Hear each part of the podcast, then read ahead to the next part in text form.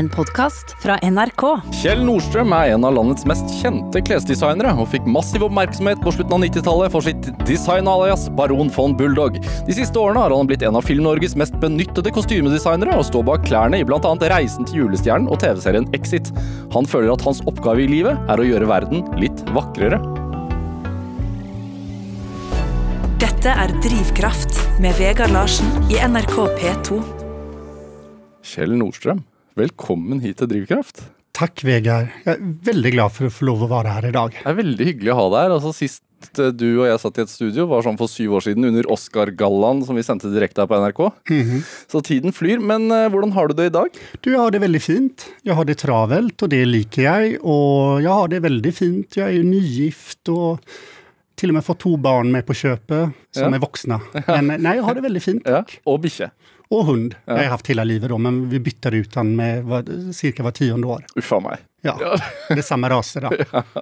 Eh, Er det litt sånn da at eh, du tenker at det er den samme hunden, eller? Faktiskt. Är det? Jag har ju haft dvärgschnauzer som, som han är då, Viktor, har jag haft hela mitt liv. Och så har vi faktiskt mer eller mindre haft samma färgkombination då, som heter sortsölv de sista 15 åren. Så det, och alltid hanhund. Så det är lite sån reinkarnation nästan då, vi bara bytte namn. Du bytter navn. Ja, Lukas blev Anton, blev Viktor och så vidare. Fine navn, da. Ja, tack.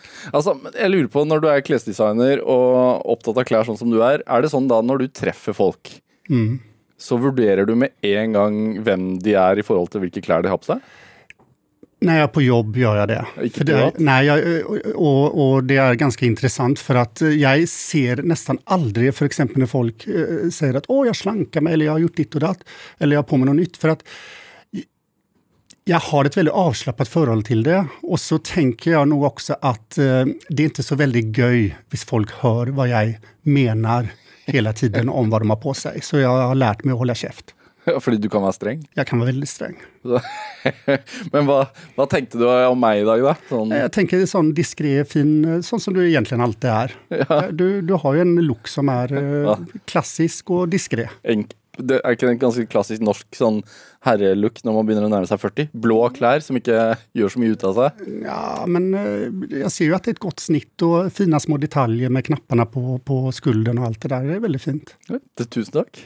Hva, hva, hva, men deg selv, da? Hvor mye legger du i, i, i klærne før du går ut? Hva har du tenkt om, om eh, hva du skal utstråle i dag? Alltså, det har också väldigt mycket med jobb att göra. När jag går i möten och sådant så, så tänker jag väldigt på vad jag klär på mig. När jag bara går i ateljé för att jobba, då ser jag ut som en eh, hobo alltså. Ja. Ehm, jag köper ju väldigt, alltså folk tror att jag är väldigt upptatt av kläder själv. Men jag ärver ju ting, du vet, som efter produktioner och sånt. Så jag, nu köpte jag faktiskt för först, det första plagget jag köpt på tre och ett halvt år, det köpte jag när jag var i London och det var joggerskor. Det måste jag ha för att jag var runt och shoppa för då Exit. Ja. Eh, Men du vet när jag går och shoppar då så har jag en sån här radarblick jag vet, och en handellista och vet exakt vad jag ska ha och ser inte efter något annat. Du, Så jag är ganska kedlig att ha med på shopping alltså. er det sant? Jag är väldigt kedlig, men jag är effektiv. Jag är supereffektiv. Men liker du å shoppe, da? Nej, jag hatar att shoppa. det sant? Ja, jag syns inte det. Jag syns det är väldigt kul att se på fina ting. Jeg hadde en fordom om at du likte veldig Nej, nej, nej, nej. I shoppingen liker jag inte, men jag liker att se på fina ting. Jag, eh, vindushoppa kan jag gärna göra. Jag liker att gå och se för exempel fina eh, vindur och jag liker att gå och se till exempel eh, om det är utställningar om design och sånt. Det älskar jag att gå och se. Men shoppingen, det där att gå runt i en butik och leta efter ting bara för att tillfredsställa någon slags eh, dålig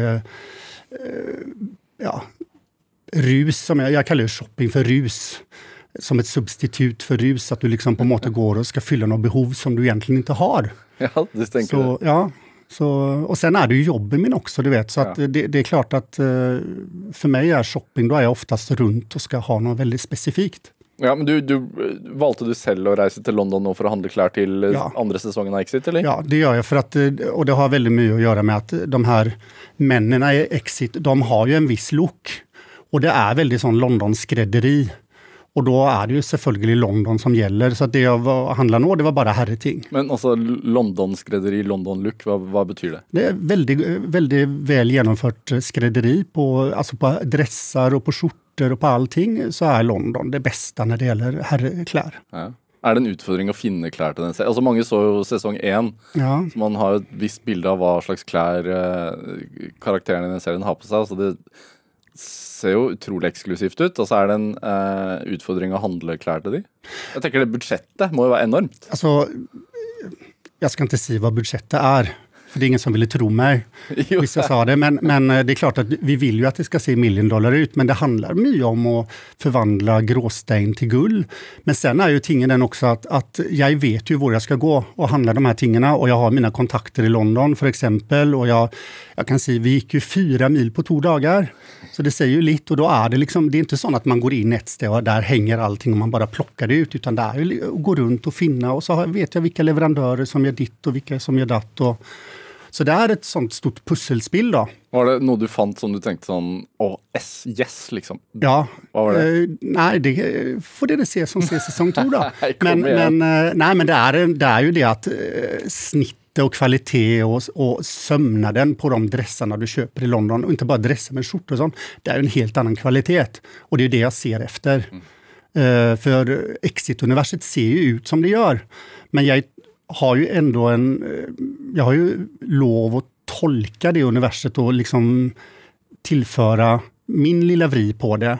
Men, men samtidigt så må jag vara väldigt tro det universet sånt som det faktiskt ser ut. Det är ju en kläskodex som gäller i alla miljöer och i businessmiljö så är det en kläskodex. Och den, den, så det är en viss ramme jag håller mig innanför. Då. Men jag tänker da den serien eh, skulle lagas lages sättas upp, så fick väl du eh, et innsyn i de forskjellige karakterene, hvem Ja. de var, hva de representerte? Ja, jag fick till och med se de här upptaken av de personerna De ekte Ja. ja. eh, sladdade då. Ja. Eh, Men, men, men eh, jag fick se det och det, det såg jag på mest för att studera alla detaljerna.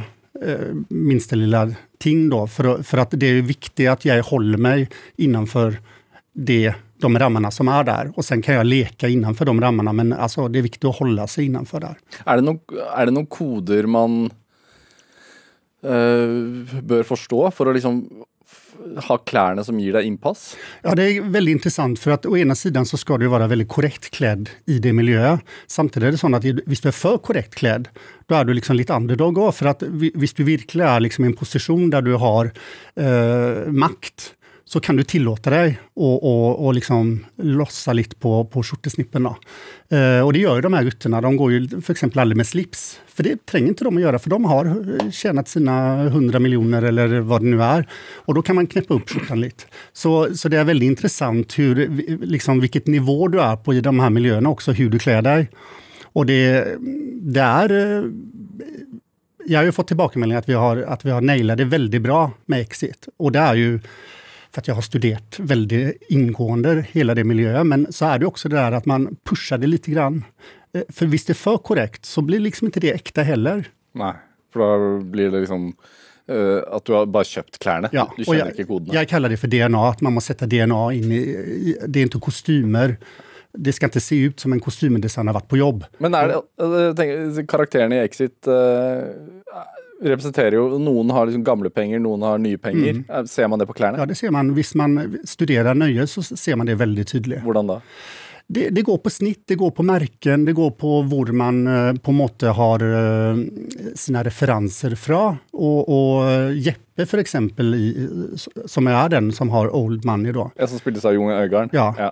Der kan du se at hans look er lite mer sofistikerat, eh, lite mer kanske engelsk, visst man kan säga det. Och så eh, För det är ju två stilar här, Man kan säga den brittiska och så har du den amerikanska. Och den skandinaviska är väl en blandning av bägge delar. Den skandinaviska looken är ganska avslappad i förhållande till till exempel i England, om du ser hur businessfolk ser ut där, Så är det ganska strikta eh, kodexer som gäller. Är det, Alltså, Kan du si något om nästa säsong? Hur utvecklar kläderna sig? Det kommer att se ännu mer smashing ut, selvfølgelig. Men jag, det jag kan si, eh, jag har, och detta har jag snackat med producenten om, det jag kan si är att vi går ju under huden på karaktärerna. Eh, Det är mer, eh, vi går i dybden. Hva vil det si? Det vill säga att vi förtäller mycket mer om vem de är. Ja. Så kan jag inte säga något mer. Men eh, jeg har sett Exit, så, så man tenker ikke umiddelbart at det er en kostymedesigner som har eh, slitt for å finne disse altså, Nej, For å är gjøre, väldigt, gjøre den det är jag jobben. väldigt glad för att höra, för att det är ju mitt mål. Det er et kompliment, egentlig. Ja, det är absolut en komplimang, för att mitt mål är ju att det inte ska se ut som jag har varit där. Det ska se ut som att allting eh, är naturligt. Det, men det är ju inte det om du ser, så, så är det ju färgkoder som går igenom. Alltså, det är ju inte så att när du är på en sommarfest eller ett bröllop så är alla klädda i pasteller som matchar varandra. Men det är ju det visuella när man jobbar med, med tv och film. Så må man ju jobba med färger, man må jobba med texturer och sådant. Och det må man göra väldigt subtilt. Men självklart så, så vill ju jag att det ska se ut som att det här är helt äkta och, och att inte jag har varit där. Ja. Är det Hvordan tror du det er å jobbe med deg, da? Jobbe med Kjell Nordstrøm, også for produsenten og regissøren? Eh, jag har ju en eh, klausul i mina kontrakt som jag fick eh, när jag jobbade med Fritt vilt en gång i tiden. Skrekkfilmen Fritt vilt? ja, Ja. den trilogin. Och då sa regissör Roar Uthaug att Kjell är den bästa kostymdesignern, men han tar för mycket plats, så kan vi få i kontrakten att han är så lite på set som möjligt. Och den har liksom på måte fortplantat sig då i de här 15 åren som jag hållit på. Fordi du var en del på sett? Alltså när jag är på set så ser jag allting som inte stämmer. Och det kan vara väldigt irriterande för de som är där. Och så pratar jag ju ganska mycket, har jag fått höra. Så, så eh, jag tror väl att de liker bäst när jag är på ateljé och förbereder ting och icke är på set. Så Ja. den klausulen har liksom fulgt deg? Ja, den i vart fall blir en väldigt god historia som kommer upp var gång jag skriver kontrakt. Så är det så att ja, så vill vi ha Kjell så lite som möjligt på set. Bok han gjerne, hold han unna Ja, ja, precis. Dette er Drivkraft med Vegard Larsen i NRK P2. Og i dag så har vi kostymedesigner og klesdesigner og, og frisørstylist, eller frisør, eller? Alltså jag är ju en gammal herreskrädder och herrfrisör Ja. i Bunn och har jobbat, eh, jag har jobbat med eh, både hår och styling och, och kläder, alltså design, i egentligen alla år. Ja.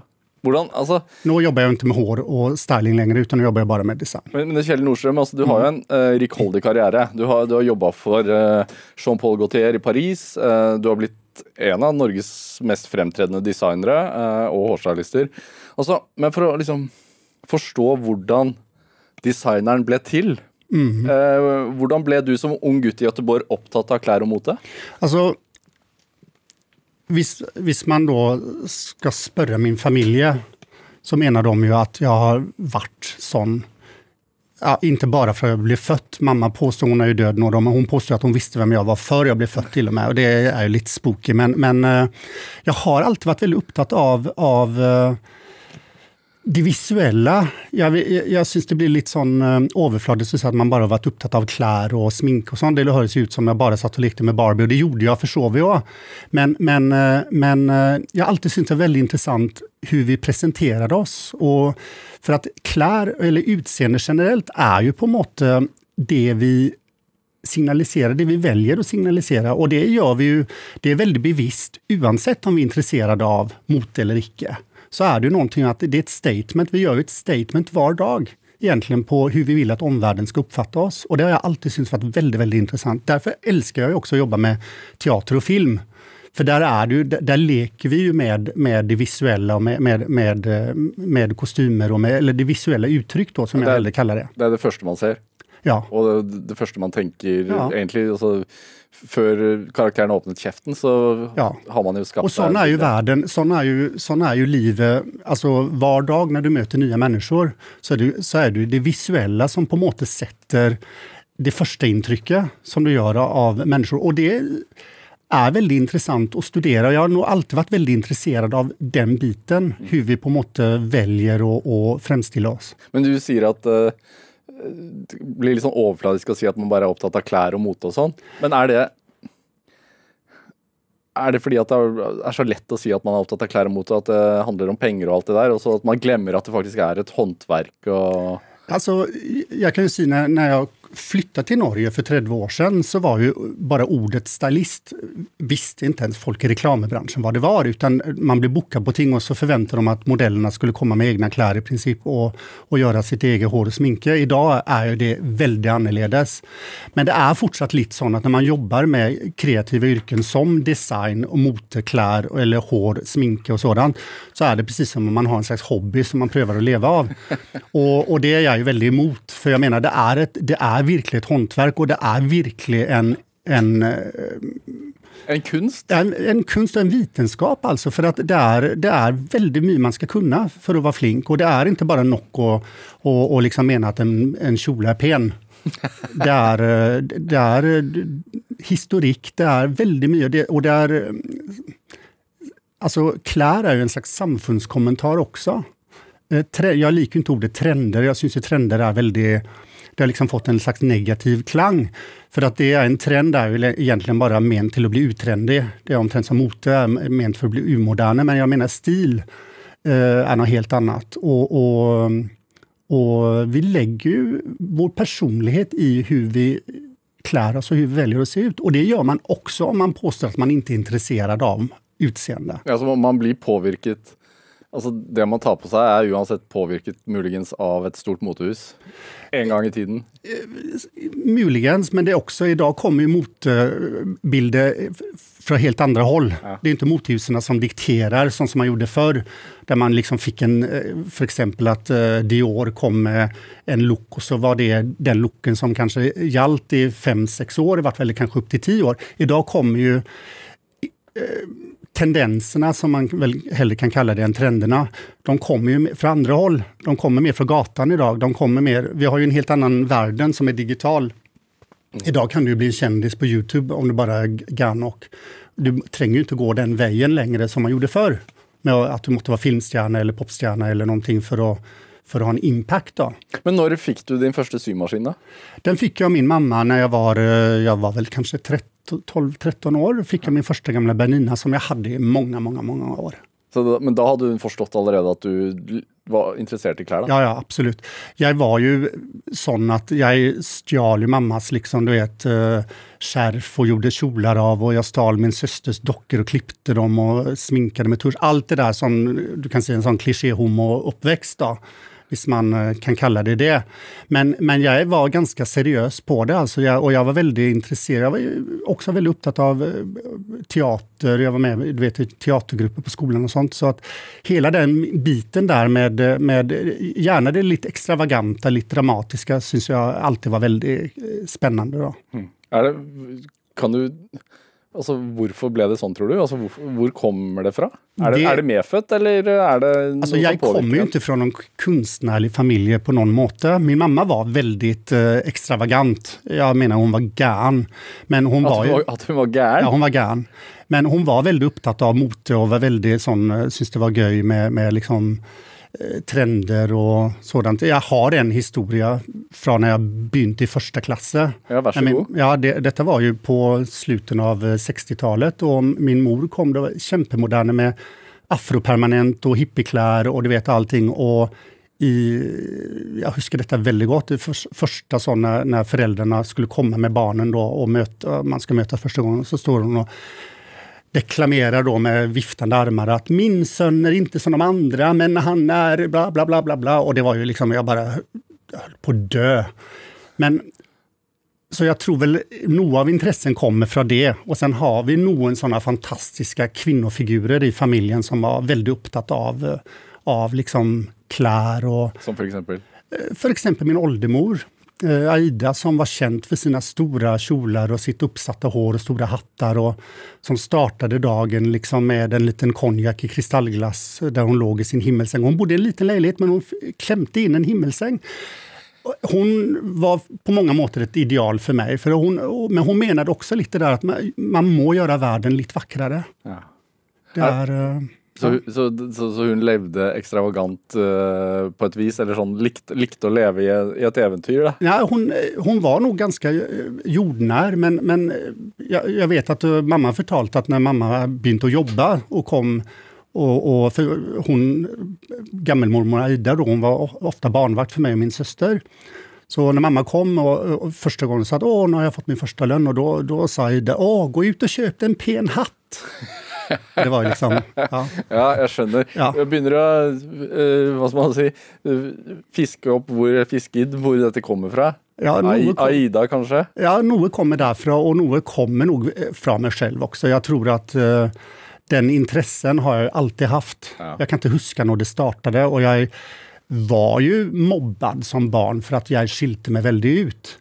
Uh, och, och, var väldigt feminin uh, liten gutt och, och var väldigt Alltså jag har ju gått igenom väldigt många faser, allt från liksom punk till uh, discobög till allt möjligt.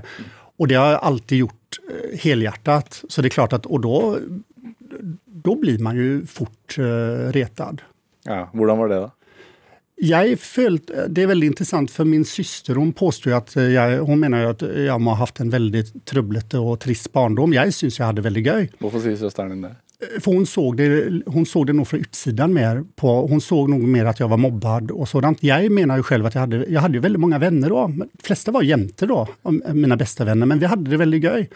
Och sen har jag alltid jag, jag, är inte konfliktsky heller, så att jag, liksom, jag slogs ganska mycket som barn. Men det var jag ju nött att göra då. Oj. För att sätta dig i respekt? Eller för Nej, för att inte... Ja, för, för att få lov att vara som jag var, rätt och slätt. Ja. Var det... Så du, var, du la, la aldrig skjul på att du var homofil? Nej, alltså jag, jag hade, prövde ju också, hade jentekärster och, och sådant. Och, och, men jag vet när jag förtalade hemma, jag tänkte samlade familjen liksom på köket då och skulle liksom förklara då att jag är homo. Då var jag 15 år och mamma bara Ja, ja, vi bara väntar på att du skulle se det själv. Och min syster bara stod och gapskrattade och du vet. Sånt. Så att det, det, jag följer aldrig haft något skap jag måste komma ut av det var väl nästan så att jag följt att jag önskat att ha ett litet skap och krypa in i emellan.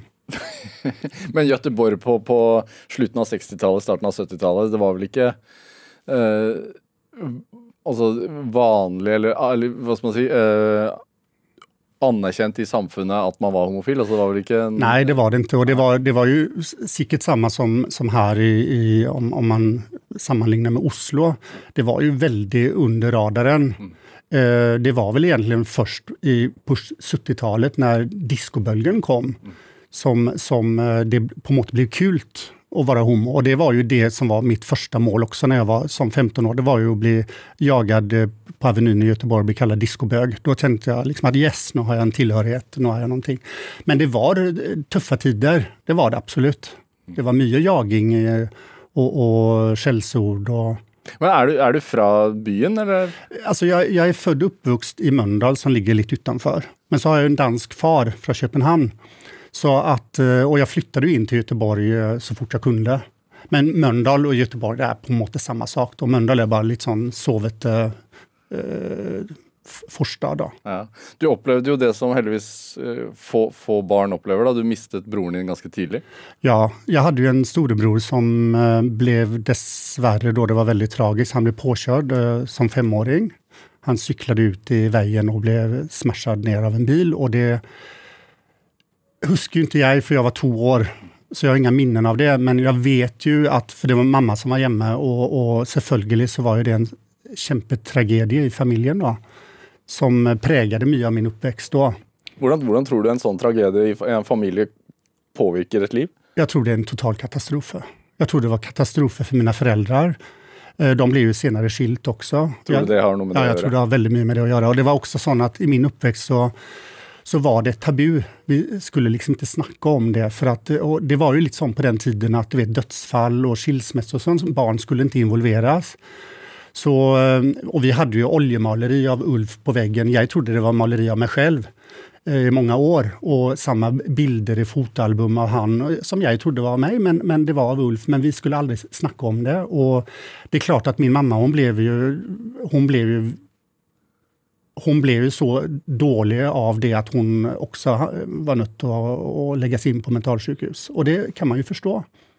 Så jag, det var väl en skygga, en tragedie som präglade väldigt mycket av uppväxten. Ja. Det, det, har jag förstått i vart fall i vuxen ålder. Då. Ja, så man, det ser man ju inte när man är barn. Nej, och så snackade vi aldrig om det. Det, blev aldrig, det, det var liksom tabu.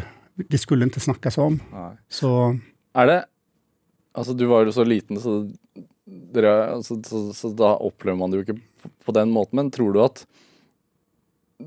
det har gjort at du har sett annerledes på livet? Altså når man ikke liksom, fordi Siden du var så liten, så, så opplever du jo ikke den døden og sorgen så nært, men, men, samtidig så får du det jo gjennom familien, og så tror du det gjør at man ser annerledes på livet? Ja, jeg, jeg har tenkt veldig mye på det, og jeg tror jo at, at jeg har jo en sånn her, et veldig sterkt behov for å bli likt och sett. Det tror jag alla människor har, förstår vi. Men, men det där att liksom, det där se mig, se mig och, och likt det jag gör, likt det jag gör. Jag tror det har med det att göra, för att jag vet ju att jag också, eh, jag hamnade i perioder på barnhem, mm. eh, för att mamma inte orkade ta sig av oss och sådant. Och det vet ju inte jag vad det, hur det har påverkat mig, men jag tror... Du var för liten? Ja, jag var, jag var för liten, så jag har, inga, jag har inga minnen från det, utan jag har blivit förtalt de här tingarna. Men jag tror att att kanske det där att vara minste barnet och, och, och så liksom vara den där etterpåklatten som, som um,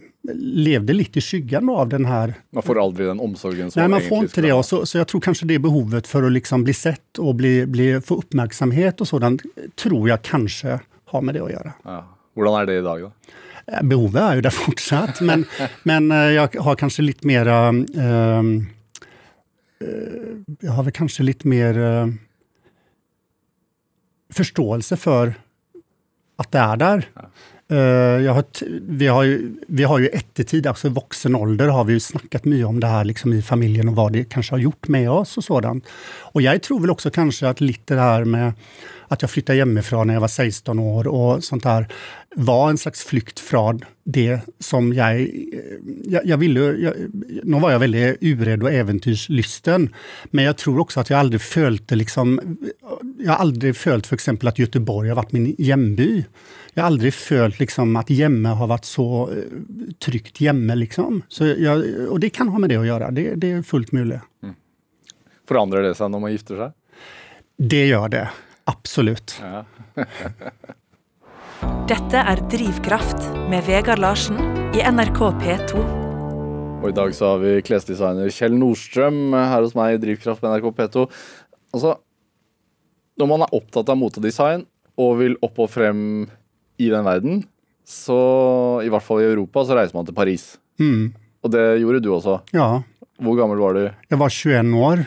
Er det, er det ungt, eller er man da hvor, hvor, står man i gamet da? Jeg tror at når du er 21 år, så gjør du ting som du heldigvis ikke vet konsekvensen av. uh, for jeg hadde jo hva var det, jeg hadde 1700 kroner uh, og en symaskin og veldig bra pågangsmot og bestemte at nei, nå skal jeg til Paris. Reiste du fra Göteborg til Paris? Fra Göteborg. Jeg satt på med en, en som skulle kjøre ned. Hva tenkte du altså jeg lurer på, hva tenkte du mens du pakket kofferten i, i Göteborg og liksom, nå skal jeg til Paris? Altså, jeg tänkte nog inte väldigt mycket om. Min mamma förtalte, för jag, hade ju då, jag bodde ju då i en liten lägenhet och hon sa, Kjell, alltså, vi fick besked på två dagars varsel. Att du bara, så jag måtte, hon måtte ju dra till lägenheten och, och rydda efter mig och jag tror till och med uppvasken stod där. För jag hade bara bestämt att när, nå, nå ska jag flytta. Vad, vad var det som uh, drog dig så hårt? Jag hade ju redan gjort en karriär i Göteborg som designer. Så, så jag hade kommit i kontakt med eh, en som heter Leona Seraf som blev sen min kompanjon i Paris. Så det var inte så att jag bara drog ner där. Och jag hade varit i Paris eh, som turist. Då. Uh, När du säger gjort en karriär, du var 21 år gammal, hur hade du gjort det? Nej, jag, hade, jag startade när jag var 17 år, hade jag min första uh, kläslabel då, som sålde väldigt bra. Vad hette den? Den hette Art Mod och det är ju ganska ambitiöst. Men, men jag var ambitiös och, så det sålde redan bra. Och, och, så jag visste, att, jag visste att jag kunde designa, jag visste liksom att jag kunde göra ting som folk syntes var kul. Så jag, min plan var ju, och det var den jag följde, det var att komma mig till Paris, finna ett billigt hotellrum där jag också kunde sätta upp symaskinen, gå och handla lite eh, tyger och stoffer och, och, så satt jag och sydde och så kände jag ju den här Leon som hade då en butik ute på Porte Clignancourt som är en stor loppemarknad. Så han sa, okej okay, du kan komma ut och, och, och sälja dina ting här. Så det gjorde jag, så jag stod lördagar, söndagar och en del måndagar, för det är uppe tre dagar i veckan, då, där ute och sålde. Och det gick kämpebra, jag fick sålt allting och så satt jag resten av dagarna på mitt lilla hotell, eller det var egentligen en liten nedlagd frukostmatsal på ett eh, litet hotell. Satt och sydde som bara det. Och sen fick jag Lena som var min assistent då. Du hade assistent? Ja, jag fick, hon var i Rimini och hade någon olycklig kärlekshistoria med någon italienare. Så jag ringde henne och sa att kom till Paris. Och hon satte sig på tåget från Rimini och kom och så satt vi och sydde to. Och sen så fortsatte det och efter ett halvt år så hade vi min egna lilla butik, första butik i Paris. Så, är det sant? Ja. Alltså ett utsalgssted? Ja, i hallarna. En liten butik som, eh, som eh, som vi, den var inte väldigt stor, men, men eh, vi tjänade ju pengar. Och Leon blev då min eh, kompanjon. Så han satsade sina pengar och, och, och, vi köpte den här butiken. Och så gick det ganska fort. Sen hade vi en butik till. Vad slags kläder lagde du? Och det var väldigt mycket försäljning. Men jag vet att eh, en av de kollektionerna som, var väldigt, som sålde väldigt bra och som var en stor risikoting, det var att jag köpte, jag tror det var 50 eller 60 ton med gamla gardinstoffer från Belgien som vi fick kört till Paris. Och, Ton? Ja, och det var sån 50-talsstoffer då med olika mönster och då sorterade vi dem efter liksom mönster. Och så sydde vi en slags lite sån Chanel-inspirerad eh, kollektion. Men det kul med den var ju att alla plagg var försäljliga. Så, så, ehm, och den var väldigt populär. Den damerkläder? det var damerkläder bara då. Ja. Uh, och den sålde vi över hela världen faktiskt. Och till och med så att vi öppnade en egen eh, butik i Göteborg. Och, och, den uh, sålde vi över hela världen. Alltså, vad kostade den? Vad den kostade? Ja. Nej, det var, inte dyr, det var inte väldigt dyra ting. Men jag gjorde ju försäljliga ting. Vad kostade den? Husker du? Vad kläderna kostade? Den, den, akkurat den kjolen. Jag var nyfiken på liksom jag huskar inte priserna på det, men, men alltså, tingen var den att jag, jag, var ju en, jag var väldigt produktiv också, så att jag designade nya kollektioner. Vi hade nästa nya kollektioner varje uke i butiken. Så eh, det var lite sån... Eh, och sen öppnade vi en butik i Saint-Tropez och då eh, som också gick väldigt bra. Där sålde vi bara vita kläder. Det hörs ut som det gick, alltså bara, pilen bara gick rätt upp. Det gjorde det några år och sen kraschade det ju ganska ordentligt också. Men, men alltså, Hvordan, jeg bare lurer på, altså, ja, Du begynte med å sy klær og selge det nesten i en bod, og så ble det en butikk, og så en butikk til. Altså. Og sen hadde vi grossist. Ja. Så vi solgte. Men hadde, altså, du hadde en samarbeidspartner ja. da, som tok seg av Ja, ja som tok seg av hele businessbiten. Ja. Og det var jo kanskje det store misstaget som jag gjorde, att jag tänkte att du vet att jag kan bara gå runt och designa och det är kul och jag tjänade ju bra pengar och fick en fin lägenhet i Paris och sånt. Men jag tänkte ju aldrig på att här ska vi skriva kontrakter. Så att vi faktiskt är officiellt... Eh, på den här tiden var det ju så, vi hade inte, vi hade inte EU. Så jag var ju egentligen icke, alltså jag hade ju ingen arbetstillåtelse. Så jag måste ju resa ut av eh, Frankrike med jämna mellanrum för att få stämpel i passet, för att kunna komma tillbaka. Så det är klart att idag vill jag ju aldrig gjort någonting sådant. Men du vet, du är i 20-åren och du är... Eh, allting var ju kämpegöj och jag jobbade ju med både Gaultier men också Comme des Garçons, Louis Ferraud, Pierre Balmain. Alltså jag hade massa ting gående hela tiden. Paris låg för dina fötter? Ja, alltså ja. Samtidigt så, det hördes ju så ut. Samtidigt så var ju sanningen var ju den att jag jobbade hela tiden. Men, men hur var hur var Paris för dig på 80-talet? Alltså... Det var fantastiskt för att det var ju den tiden när eh, alltså, i motorvärlden då, det var ju då supermodellerna kom. Det var då japanerna kom till Paris och etablerade sig. Det var då Jean-Paul Gaultier, Terry Mugler, Claude Montana, de här eh, som var mina idoler. Det var då de blomstrade, så, så det är klart att för en ung svensk eh, designerspira så var ju det Mecka. Mm. Och sen var ju också nattlivet, alltså det skedde väldigt mycket hela tiden. Och, så jag, var väldigt, jag levde väldigt som problemfritt till den dagen när det inte funkar längre och, och, och jag gick från firma eh, utan någonting.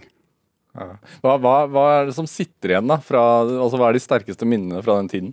Det är väldigt många ting, men, men det är klart att första gången jag fick vara en del av en sån här stor visning för exempel, då, det, och det var ju för exempel med Gaultier eller Comme des Garçons, vara med där backstage och styla och se alla de här människorna och den energin och allting. Och det var det, det är kanske det som var det mest magiska första gången jag fick mina kläder på tryck också i ett franskt eh, motormagasin var ju självföljligt. Det var ju väldigt, väldigt, väldigt, väldigt stort. Ja. Är det, Altså, eh, du sier jo at 80-tallet var helt fantastisk i Paris, eh, og, og nattliv og sånne ting også, men 80-tallet var jo også eh, Også aids var jo stort på 80-tallet, og det, det, ble jo kalt homopest. Mm. Altså en ganske forferdelig og, og fryktelig stigmatiserende mm. eh, definisjon. Men hvordan opplevde du det? Jeg tenker på sånn, sånn som I dag med korona og sånn, så er det sånn ja. man må ikke håndhilse. Og... Nei, altså Paris var veldig spesielt, for at samtidig som det da ble veldig traumatisert for f.eks. kanskje i New York og, og, sånt, så var Paris litt sånn at vi er litt blaffen. Folk festet på som om det var Titanic. Uh, jeg, jeg tenker det som kanskje reddet meg fra, den, fra de ville åtteårene, det var vel at jeg var veldig mye flue på veggen. da. Jag eh, tog för exempel aldrig droger. Droger var ju väldigt vanligt. Och, och det var ju ett vilt liv. Jag var jo sånn, Jeg en halv flaska billig vitvin för jag gick på byn. Och Så stod jag och, och så dansade jag lite och jag syns det var, det var så mycket att se på, men det var också sånn att det var lite farligt Så jag följde väl att jag ville ha kontroll hela tiden. Jag var väldigt rädd för att mista kontrollen när jag bodde där. For at eh, det er jo sånn at når det skjer veldig mye ting, så skjer det også mye farlige ting. Mm. Og, og franskmenn var litt sånn at de, de, Det var litt sånn på med skyglappene og så bare liksom danse rett inn i evigheten, da. Hmm.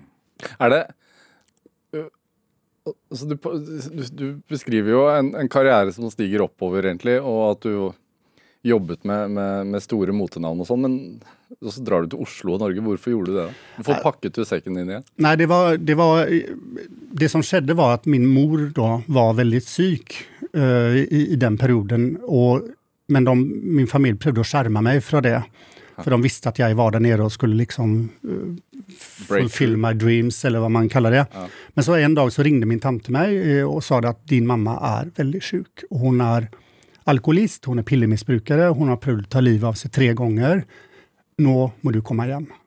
Og det var en kalddusj eh, totalt. For jeg visste ikke det, for når jeg var hjemme, så, så var jo hun alltid fabulous, liksom. Tok seg sammen. Hun tok seg sammen, eh, men da kom det til en punkt når verken min søster eller mine tanter eller noen orket ta av henne längre. Och så sa de det att nå, Kjell, nu är det faktiskt din tur, och, och, och nu må du välja om du vill ställa upp. Och då tänkte jag, jag husker väldigt gott för att jag ringde tillbaka till henne från en telefonkiosk utanför den här lilla butiken var i Paris och så sa jag att jag kommer hem. Och då, eh, lika fort som jag drog ner till Paris, så drog jag hem. Eh, och lämnade liksom jobb, karriär, lejlighet, allting. Men jag trodde ju att jag skulle tillbaka. Mm. Till jag tänkte hela tiden sån att jag drar hem och tar hand om min mor och min lillebror. Eh, se vad jag kan göra. Och så, men så var det lite mer komplicerat än som så. Det var ju inte att bara dra hem och, och, och liksom fix it. Så då blev jag varande hemma. Eh, och måtte ju på måte bygga en liten karriär i Göteborg igen då, för då hade jag varit borta i fem år. Så det är klart att eh, då måste jag liksom etablera Jag var ju nödd att jobba och tjäna pengar. Och så var det rätt och slett en midsommarhelg som jag och en kompis, eh, vi sa, nej men vi drar till Oslo den här midsommarhelgen. Och så drog vi till Oslo. Och det var 1989.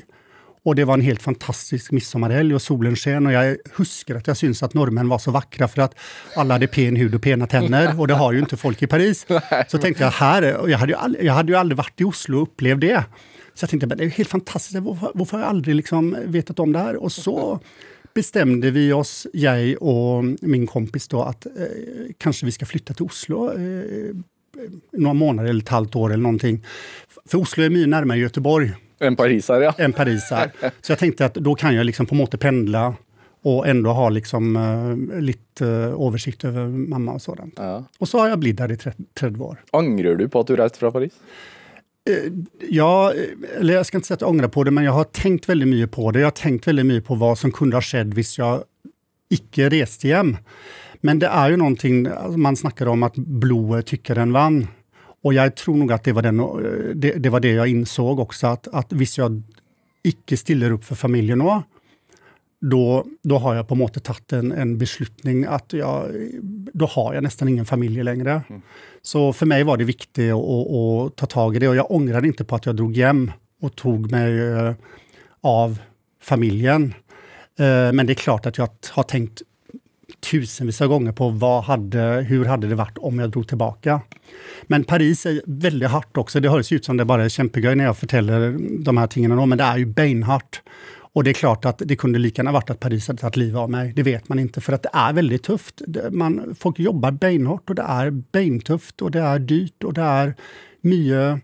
I Paris idag är ju helt annorlunda än det var på 80-talet. Mm. Och det ser man ju också med, alltså i nyhetsbilder. Då. Så den där glamorösa Paris, det tror jag bara är två veckor i året och den är det är eh, Fashion Week. är det lite så att eh, när man lever ett eh, långt liv så har man möjligheten till att leva olika liv? Ja, det tror jag absolut och det tror jag är väldigt viktigt. Jag tror att, jag tror att livet är sånt att inemellan så gör man sådana här snuvoperationer och det, det kan ju både vara katastrofer, men det kan också kanske vara det bästa som man gör. Jag, jag tror det handlar lite om hur man väljer att, att tackla ting. Då. Uh, Kjell Nordström, du har med lite musik till mig. Ja. Du har valt Grace Jones. Jag har valt Grace Jones. Varför det? För att för mig är hon hela 80-talet och 90-talet. Ehm, och selvfølgelig ett motikon utan dess like, men jag har mött henne flera gånger då. Du har det? Ja, ja. Så, så jag syns att hon på måte... När jag hör på henne så får jag alla de här gamla goda minnena. Så minner dig lite om Paris? Väldigt. Ja, da hører vi The Hunter Gets Captured by the Game av Grace, Jones, Grace Jones. I hvert fall litt av låten.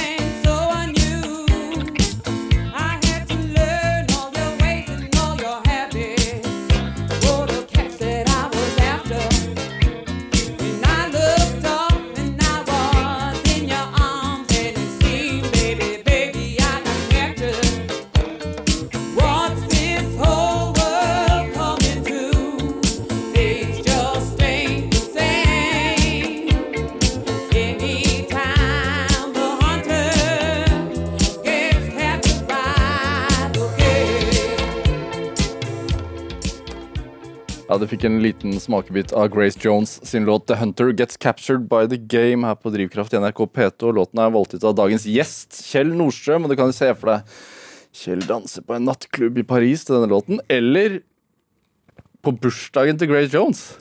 Ja, alltså, jag mötte ju henne flera gånger och det är ju lite sån i Paris, så är det Det är, det är inte väldigt stort heller, det är miljö. Så jag var heldig nog att jag eh, ikke ble kjent med henne, men nok til at jeg ble såpass kjent med henne så jeg ble invitert på hennes bursdag. Hvordan var det? Det var fantastisk. Det var på Palace. Eh, som, er? som er en av de ikoniske nattklubbene i Paris. Eh, og jeg hadde til og med to venner fra Sverige på besøk, så de var jo helt sjokkede. At, at, ikke bare det at de fikk være med på hennes bursdag, men at vi fikk lov å sitte i VIP-avdelingen i tillegg. Och där gjorde hon en, som bara Grace Jones kan göra, en entré när hon eh, kom och så släcks lyser ner på hela klubben. Hon eh, går ut mitt på dansgolvet som då är selvfølgelig ryddat för folk och så tänds ljuset och så kommer bara det här Miss Jones, Miss Grace Jones. och så later hon som hon besvimar rätt ner på dansgolvet. Det är det jag kallar en entré. Helt normal bursdagsfeiring? Helt normal bursdag. Men jag tänker då, eh, Kjell, alltså du reser fra VIP-avdelingen på Palass til uh, Oslo. Mm. hva, hva, den overgangen må ha vært ganske stor? Den var veldig stor, og en av grunnene til at jeg veldig sällan snackar om Paris är ju för att den övergången är väldigt stor. Och det är klart att Oslo för mig, när jag kom hit, jag syns Oslo var helt fantastiskt. Det var också, alltså jag kom hit 89, men visst, du tar hela 90-talet i Oslo så var det ganska magiskt också. På en lite annan måte, eller väldigt annan måte, för att Oslo är selvfølgelig mycket, mycket mindre. Men det fanns ju i Oslo på 90-talet subkulturer, det fanns klubbar, det var mycket som skedde som för mig var helt eh, fantastiskt. Och så var det en, eh, vi satte ju också igång Baron von Bulldog på 90-talet och det var en slags eh, dugnad, hvis man ska bruka ett norskt ord, då, av kreativa, gärna människor som gjorde ting. Folk startade klubbar, folk gjorde fester. Vi... Du sa att det var ett hull att fylla? Ja, men det var också Ja, absolut. Men det var också en lekenhet då som, som, eh, som var väldigt annorlunda än Paris. För Paris är ju bentufft. Alltså det, är inte, det är inte väldigt mycket lek i Paris när du jobbar. Men här blev det plötsligt, eh, jag, jag tyckte det var väldigt lekent. Och, och så var det, så fick jag fantastiska vänner. Men det, alltså, du slog dig ju ganska kjapt opp og, og, frem i Norge. Du fikk et navn ganske raskt, i hvert fall da du lanserte Baron van Bulldog, og det fikk jo mm. massiv oppmerksomhet. Altså, hvis du ser tilbake, hva, hva, hva, er du mest stolt av i den perioden der? Altså, det, det, det er mest stolt av, det er vel at eh, många av de kollektionerna som vi gjorde med Baron von Bulldog, som jag ju menar då var statements. Det var ju inte liksom motekollektion, det var ju egentligen statements. Vad, vad betyder det? Statements är ju att du har något att förtälla rätt och slätt. Alltså jag menar ju att, eh, att eh, Baron von Bulldog var väldigt politisk. Eh, det var ju, jag prövade ju liksom att spegla ting som skedde i samfunnet. Ja, för du kunde inte köpa kollektionen? Nej, och det var en av grunderna till att jag valde att jobba med det sånt. Det var för att ingen skulle anklaga mig för att jag gjorde ting med kommersiell hänsikt. Så därför valde jag att det inte skulle vara kommersiellt i det hela för att ha ryggen fri. Rätt Varför var du rädd för det? Nej, det var nog mest, eh, det var nog mest att jag syns att Visst du tar för exempel propagandakollektionen som ju fick väldigt mycket uppmärksamhet, som ju eh, var en anti-nazi statement, men som blev tolkat eh, som det motsatta. Hade jag prövat att göra något kommersiellt av det så hade jag ju aldrig kunnat stå för det jag prövade att se. Hur såg den ut? Nej, det såg ut egentligen, alltså som, det kunde se ut som det var naziuniformer på, eh, på, på catwalken, men i, i sannhet så var det egentligen spader, alltså inspirerat av spaderuniformer och modellerna var ju helt klart anti fascister. Alla, och, och, och, så bytte jag ut svastikan med min egen logo eh, för att visa att det det är inte uniformerna som är farliga, utan det är budskapet som är farligt. Och min mamma sa en gång, hon sa att de farligaste nynazisterna idag, det är ju gamla tanter med, med permanent. Och, och det, det, är nog i det att, att vi får inte luras av det visuella. Vi må hellre ta tag i liksom grumset som ligger bak. Då. Men det var ju väldigt viktigt för mig att hela den kollektionen handlar ju egentligen om att lura publikum till att tro att de ser något som de inte ser och sen säga att hej, icke tro på det här. Men då måste jag ju stå i det också och, och då var det väldigt viktigt för mig att inte ha kommersiella hänsikt med det jag gjorde. Mm. Det var det nästan ett konstprojekt? Det var ett konstprojekt och den kollektionen Propaganda blev ju faktiskt valt ut till att representera Norge på Ideologia som är en stor konstbiennal. Eh, men det var tre år senare, det måste liksom lägga sig eh, allt tumultet för att folk eh, skulle se vad som faktiskt eh, var hela hänsikten med det. Då. Men hur tjänade du pengar då? Var det som frisör och stylist? Och sånt, frisör, stylist. Jag har alltid jobbat väldigt mycket. Så jag brukade ju pengarna jag tjänade som frisör och stylist till att finansiera Baron von Bulldog. Sen var ju tingen den också att alla som jobbade med det här, vi var ju en gäng. Det var ju inte bara jag, vi var ju en stor gäng som jobbade. Men det var du som var baronen? Jag blev baronen. Baronen var ju egentligen en påhittad figur från starten av, men dessvärre så blev ju jag mer och mer in i rollen som baronen. Men det var ju så att alla jobbade idealistiskt med det här. Det var ingen som fick tjäna några pengar på det. Så det var ju en slags kollektiv galskap. Men var det du som kom på det, eller var det? I, samband med eh, några vänner som jobbade i ett byrå som hette Bulldog faktiskt. Ja. Så, och jag hade en idé att vi skulle göra en fiktiv, lite garn, lite sån Alltså en baron är ju inte egentligen en aristokrat, det kan ju bara vara någon väldigt excentrisk gärning. Vi hade ju en idé att vi skulle göra en fiktiv person. Och så blev det Baron von Bulldog eh, för att det här eh, designbyrået Bulldog var väldigt involverat i starten. Ehm, men du vet att vi sände ju ut presser. Alltså mycket av idén med Baron von Bulow på starten var ju att se hur mycket vi kunde lura folk. Vi sände ut pressemeldingar som bara var spröjt allting och, och satt och lov, du vet, när vi hade Forsby på lördagarna och se vad vi hade fått på tryck. mest, var, var mest mulig opptatt av å ha det gøy. Vi hade, ja, och vi hade det också väldigt gøy. Er det litt sånn i den bransjen din at For det er jo en uforutsigbar bransje. At man kan være på toppen en dag, og så før man aner det, så er man på bunnen? Absolut. Du är ju aldrig bättre än din sista kollektion eller det sista du gör. Och i motorbranschen speciellt så, blir, så förbrukar ju människor eh, på väldigt raskt tempo. Så det är klart att, eh, att och om du spör någon som är 20 år idag om Baron von Bulldog så vet inte de vad det är. Så att det går väldigt fort att hamna i glömmeboken. Är det trist? Eh, ja, lite nostalgiskt kanske, men jag syns också det är ganska dejligt för att jag har ju brukt många år på att, på att distansera mig från Baron von Bulldog. Ja. Och jag måste ju ta livet av honom officiellt för att och det tog i vart fall sju år för jag gjorde en ny visning för att markera liksom att nu är det Kjell Nordström som designer och icke den här gamla baronen. det är lite som om man googlar Kjell Nordström så är det första, det första som kommer upp är Baron von Bulldog är död. Ja. Så det är lite sån, oj, oj, ja, ja, ja. Men det var ju, det, det, ja, det var nödvändigt faktiskt för att jag följde också att, eh, ja, vi skapade en väldigt kul eh, nisch i, i motorvärlden, men jag skapade ett monster också. Mm. För mig personligen så blev det lite ett monster, ett troll, som jag som alltid skulle vara liksom på hugget och alltid skulle vara kontroversiell och alltid skulle mena någonting, eh, ja. gärna lite uh, över sträcken. Och jag är ju inte sån som person. Men har du personligen upplevt ett sånt ras? Uh, jag har upplevt, uh, absolut, men på ett lite annat mått. Jag blev ju påkörd av en bil i 2012 där min skulder blev knust och då kraschade hela min karriär för att då kunde jag ju faktiskt inte jobba på två år. Ja. Eller jag jobbade ändå men det blev värre och värre. Så, så och hade, levde ett sånt smärtehelvete och de ville inte operera, de ville inte göra någonting. De menade att det inte gick att fixa så fick jag en operation, maste mig till en operation till slut som då var vällyckad. Men det var, det var en total katastrof för mig. För att då var det både ekonomin kraschade. Ja, för du är avhängig av jobbet för att Ja, ja visst. Det vet ju alla som driver egenföretag att, att um, man lever ju efter de intäkterna som man fick för månad omtrent. Ja. Jag var i vart fall väldigt dålig på att planlägga. Så det var en, det var en uh, total krasch. Ja. Absolut. Hur är skuldran idag?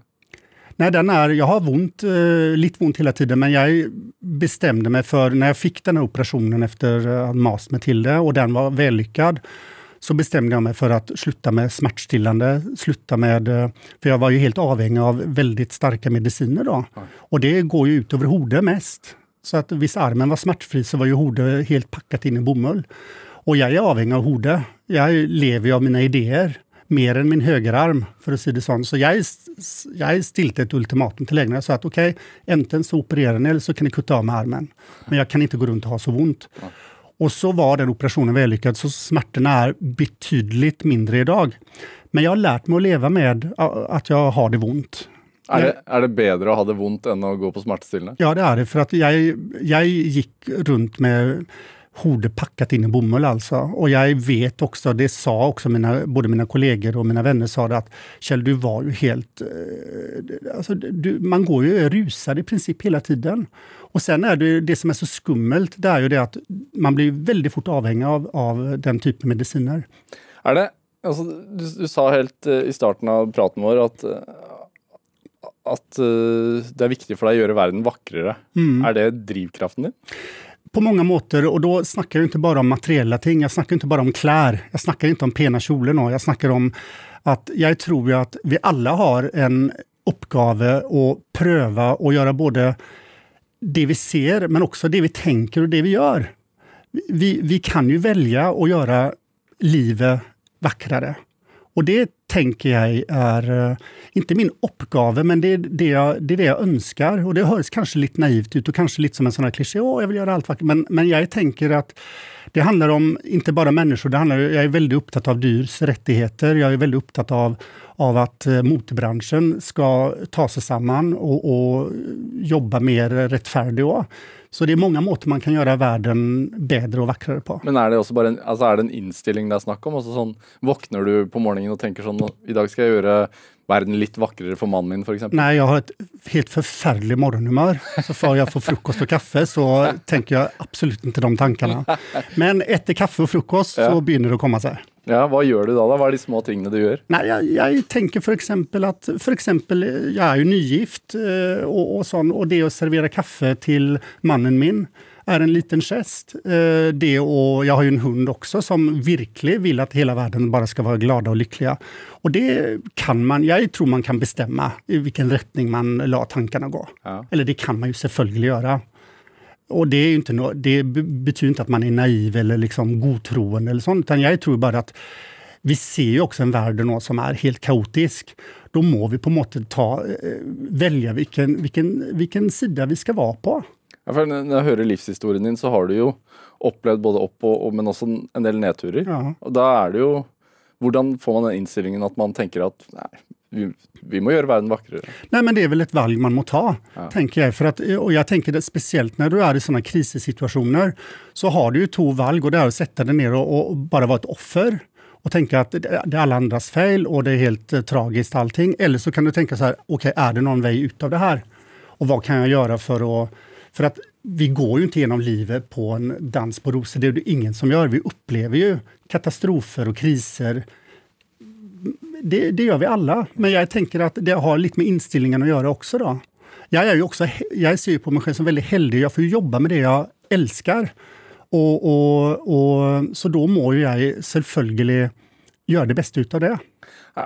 Alltså,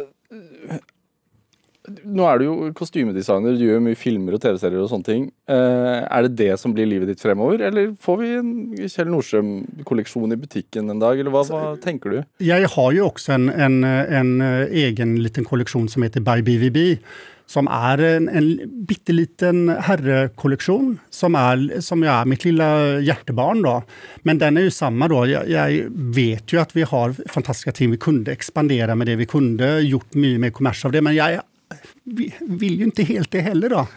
Där, men det är klart att det som är fint med film och teater och tv-serier, är att man förtäller historier. Och det är väldigt gøy. Och vara en del av det och förtälla historier. Det är väldigt fint. Och så tar livet oss dit det tar oss. Det gör det. Kjell Nordström, tusen tack för att du kom hit till Drivkraft. Tusen tack. Hør flere samtaler i Drivkraft i NRK Radio på nett og app, eller last oss ned i din podkast-app. Send forslag til gjester jeg kan invitere til programmet. Send en e-post til drivkraft, krøllalfa, nrk.no. Produsent i dag var Kjartan Aarsand. Vegard Larsen heter jeg, og dette var Drivkraft. Du har hørt en podkast fra NRK. Hør flere podkaster og din NRK-kanal i appen NRK Radio.